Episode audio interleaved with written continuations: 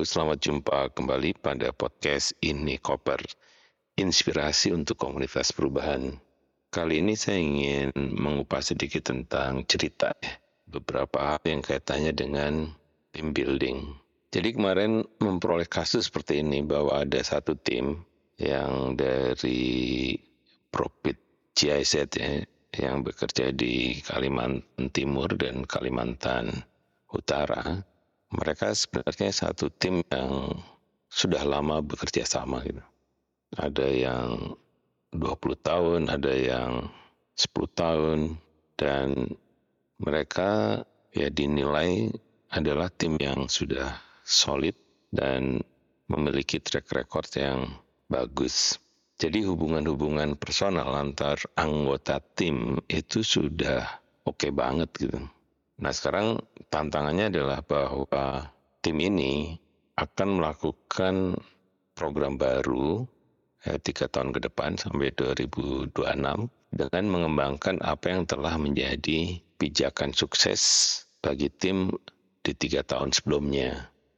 Untuk isunya, ya. jadi isunya tentang bagaimana melestarikan ekosistem gambut di Kalimantan.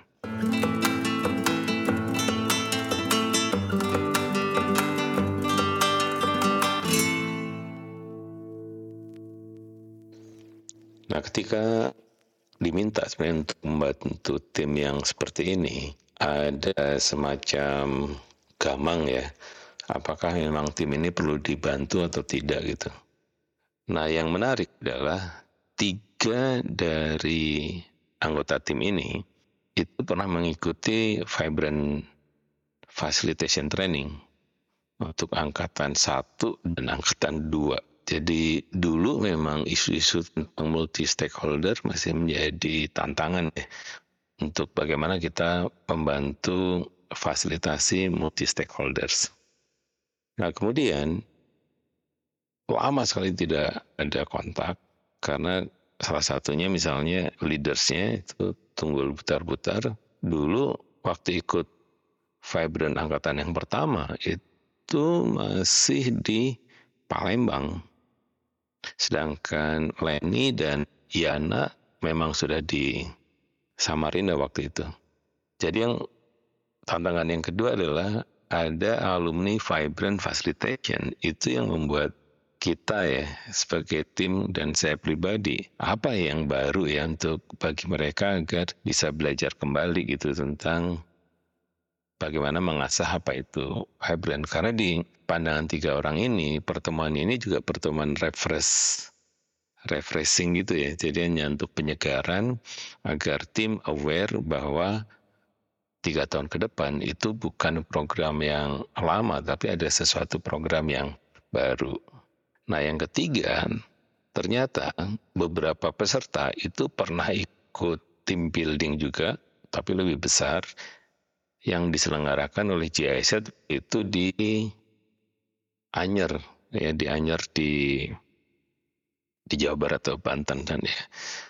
Nah karena itu ini tantangan lagi kan bahwa mereka pernah mengalami kegiatan team building yang saya fasilitasi itu. Nah keren ketika membangun tim sebenarnya adalah tim Inspirit khususnya untuk membantu tim yang udah keren ini saya mengandalkan bahwa sebenarnya tidak ada problem yang serius ya ketika ditanya berulang-ulang apa sih sebenarnya? Apakah ada tension atau creative tension gitu yang bisa menjadi acuan bahwa kita ingin membantu supaya isu itu bisa di, di apa daya gunakan untuk kreativitas tim karena tidak ada maka saya merancangnya adalah begini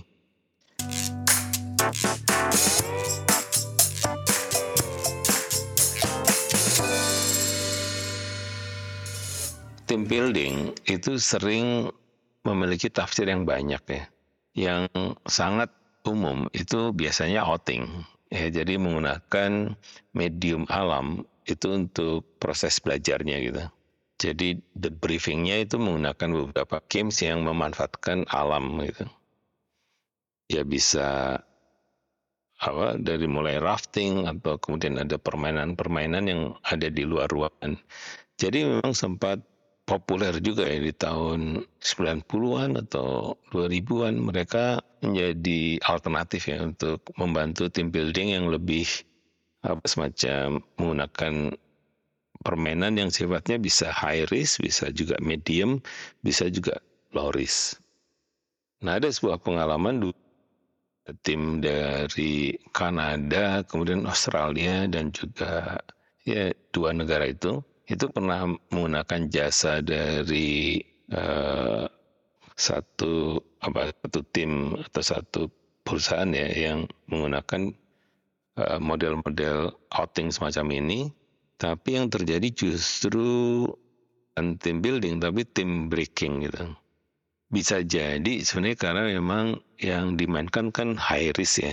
Sedangkan kawan-kawan dari Kanada dan Australia itu merasa kalau high risk itu perlu semacam ya ada asuransi juga tapi juga yang penting sebenarnya adalah bagaimana keamanan dari uh, penggunaan metode itu.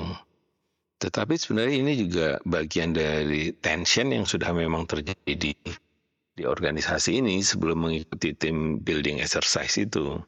Karena itu pada saat tim building menggunakan metode yang high risk, semuanya keluar itu. Antar ada yang setuju, ada yang ada tension lah tegang ya bahwa mereka merasa yang yang resisten ya tidak cocok apa yang disampaikan oleh tim yang apa menjadi fasilitator tim building satu. Nah setelah itu saya diundang untuk bisa membantu merekatkan kembali gitu ya dari peristiwa tim breaking itu. Nah dari situ sebenarnya pembelajaran saya ini kan terjadi sekitar 15 15 atau 20 tahun yang lalu ya. Saya belajar bahwa sebenarnya tim building boleh jadi ada dua dua dua aliran ya. Aliran pertama adalah memanfaatkan exercise-exercise yang sifatnya high risk tadi untuk bisa sebenarnya me, meminta tim itu di apa di challenge ya ditantang untuk menyelesaikan problem-problem yang sifatnya memang high risk tadi.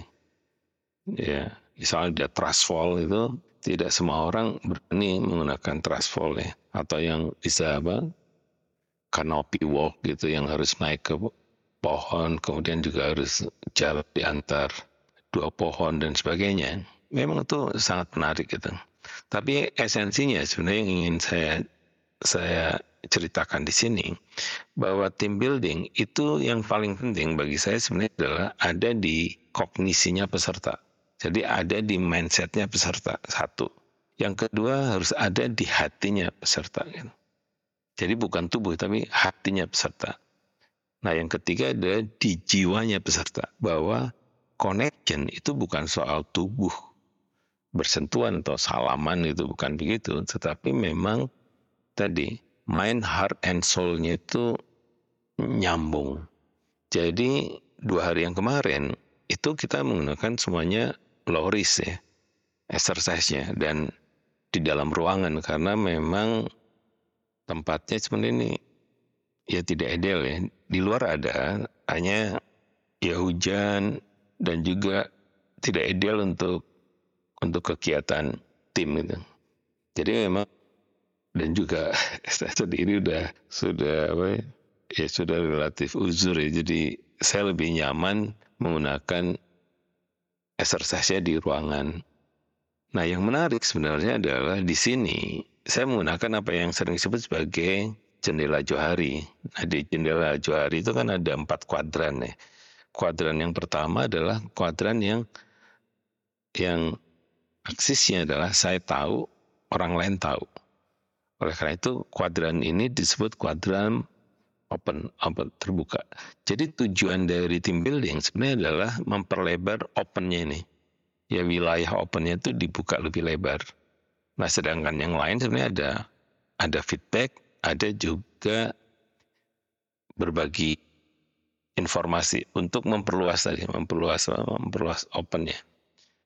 Tetapi saya ingin sampaikan di sini untuk tim yang memang sudah solid, Saatnya kita mengeksplorasi wilayah yang saya tidak tahu, orang lain juga tidak tahu. Itu wilayah yang disebut unknown. wilayah yang sama-sama tidak tahu. Karena itu kemarin kita mencoba satu mengeksplorasi masa lalu gitu. Secara personal. Nah, saya menggunakan mandala tuna gitu. Ini juga exercise temuan sebulan yang lalu ya tentang mandala tuna ini. Mandala tuna artinya adalah bahwa setiap peserta diminta menceritakan satu riwayat hidup yang kaitannya dengan situasi yang turbulen di masa lalu atau yang bergejolak mungkin di ekonomi, mungkin juga di keluarga atau pendidikan itu bisa diceritakan. Yang kedua adalah wilayah yang disebut dengan uncertainty, yaitu masa-masa yang dianggap tidak pasti gitu. Itu apa saja gitu. Itu sama ya bisa urusan keluarga sampai urusan karir. Nah, yang ketiga sebenarnya adalah wilayah-wilayah yang sifatnya novelty. Jadi di sini sebenarnya saya ingin mengeksplorasi apakah ada pengalaman-pengalaman yang dianggap baru di dalam hidup yang kemudian itu mempengaruhi kita hari ini. Nah, pengalaman itu bisa kaitannya dengan eksternal ya, misalnya pengalaman pertama keluar negeri pertama misalnya ke Jakarta pertama kali naik pesawat pertama kali apa berselancar di internet pertama kali punya HP pertama kali punya teknologi apa bisa laptop atau smartphone atau juga yang lain nah hal-hal baru ini sebenarnya menjadi menarik untuk direfleksikan apakah itu punya pengaruh juga pada mindset kita tentang realita yang kita hadapi dengan hal-hal yang baru seperti itu.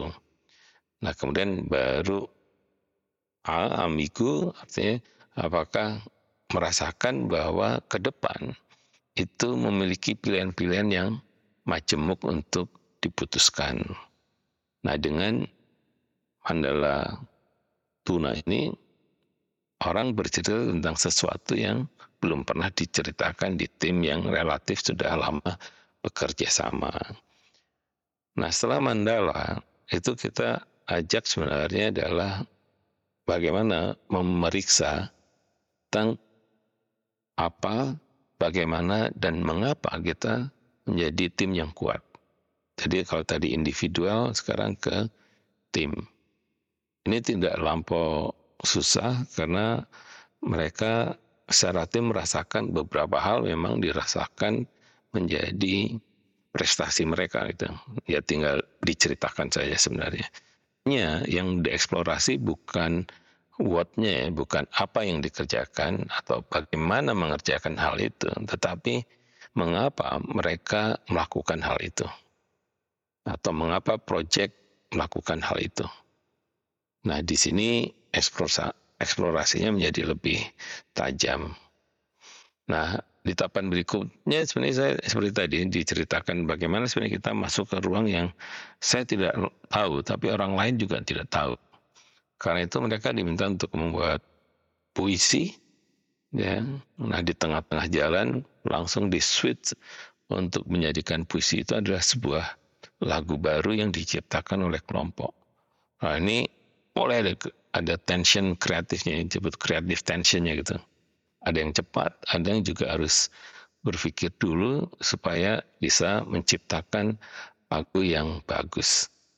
Dan luar biasa, hanya dalam waktu 30 menit mereka bisa menciptakan lagu yang enak didengar ya. Teksnya lucu-lucu ya dan dan banyak apa semacam tambahan kreativitas yang kemudian buat performance kelompok itu menjadi sangat luar biasa di tahapan berikutnya sebenarnya ingin belajar tentang bagaimana tim itu bekerja. Bukan hanya apa yang ada di kognisi atau di teorinya. Tetapi pekerjaan itu harus dilatih berulang-ulang dan menjadi habit dan menjadi keteraturan atau menjadi sebuah sistem atau proses yang membuat tim ini bekerja bukan mengandalkan kognisi, tetapi juga mengandalkan rasa dan tubuh yang disiplin. Itu kita main-main dengan taktik jam. Mereka sukses juga di sini walaupun melalui beberapa rintangan tapi yang membanggakan bagi saya adalah mereka tetap mengejar angka satu menit sebagai sebuah rekor. Sebenarnya rekornya di bawah satu menit ada yang hanya di bawah 30 detik sebenarnya. Ya karena timnya hafal. Itu terjadi pada hari yang pertama. Nah pada hari kedua saya merancang seluruh prosesnya adalah menggunakan visual. Jadi mulai pada visioning secara personal, kemudian juga visioning secara tim. Nah tujuan dari visualisasi ini paling tidak mengajak peserta itu untuk masuk ke ruang lagi-lagi unknown tadi. Nah dengan imajinasi itu membantu menggambarkan apa yang sebenarnya ingin diwujudkan oleh pribadi mereka masing-masing, tapi juga oleh tim yang akan bekerja pada fase 2 dengan kegiatan yang judulnya hampir sama gitu. Nah dengan cara ini mereka bisa mengeksplorasi kemungkinan-kemungkinan di masa depan yang ingin diwujudkan. Nah pada tahapan berikutnya sebenarnya mereka kemudian melakukan refleksi secara personal tentang apa yang telah dilakukan selama dua hari kaitannya dengan apa yang sebenarnya kita bisa ubah di dalam tim supaya tim ini tetap bisa menjaga marwahnya gitu. Nah itu pengalaman fasilitasi untuk khususnya kalau kita menghadapi tim yang sebenarnya sangat solid, kuat, tapi membutuhkan penyegaran. Nah kita yang disebut penyegaran tadi secara mindset di apa diperbarui, kemudian secara rasa ya itu juga diaktifasi. Dan terakhir sebenarnya secara spiritual itu direfleksikan kembali pada masing-masing peserta. Bagaimana sebenarnya hal-hal yang perlu dipertahankan itu tetap dijaga tetapi juga dengan visi yang lebih segar.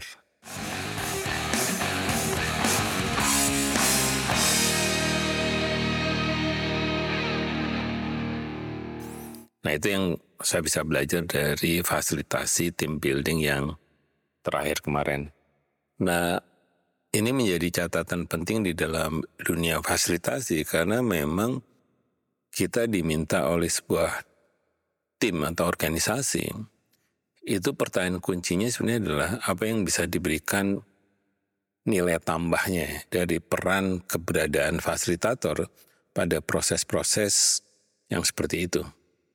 Karena kalau toh mereka ingin irit gitu, harusnya ya bisa dilakukan secara secara mandiri ya, tidak perlu ada fasilitator dari luar. Karena mereka juga para fasilitator yang yang cukup berpengalaman gitu untuk isu-isu yang mereka geluti. Jadi di sini kita bisa belajar bagaimana sebenarnya tantangan bagi fasilitator ketika memang kita diminta memberikan value added pada sebuah proses interaksi yang timnya sendiri sebenarnya sudah kuat. Itu saya tips dari saya bagaimana menjadi fasilitator pada kegiatan-kegiatan yang sifatnya adalah membangun tim yang lebih solid. Demikianlah isi koper kali ini. Saya percaya bahwa di ini koper berbagi apa pun akan bermanfaat bagi komunitas perubahan, yaitu para fasilitator, para social entrepreneur, para social inovator yang sedang mengembangkan berbagai gagasan baik di tingkat kampung, desa, ataupun sekolah atau di tingkat-tingkat yang lebih tinggi seperti provinsi bahkan di tingkat nasional. Sampai jumpa pada edisi berikutnya.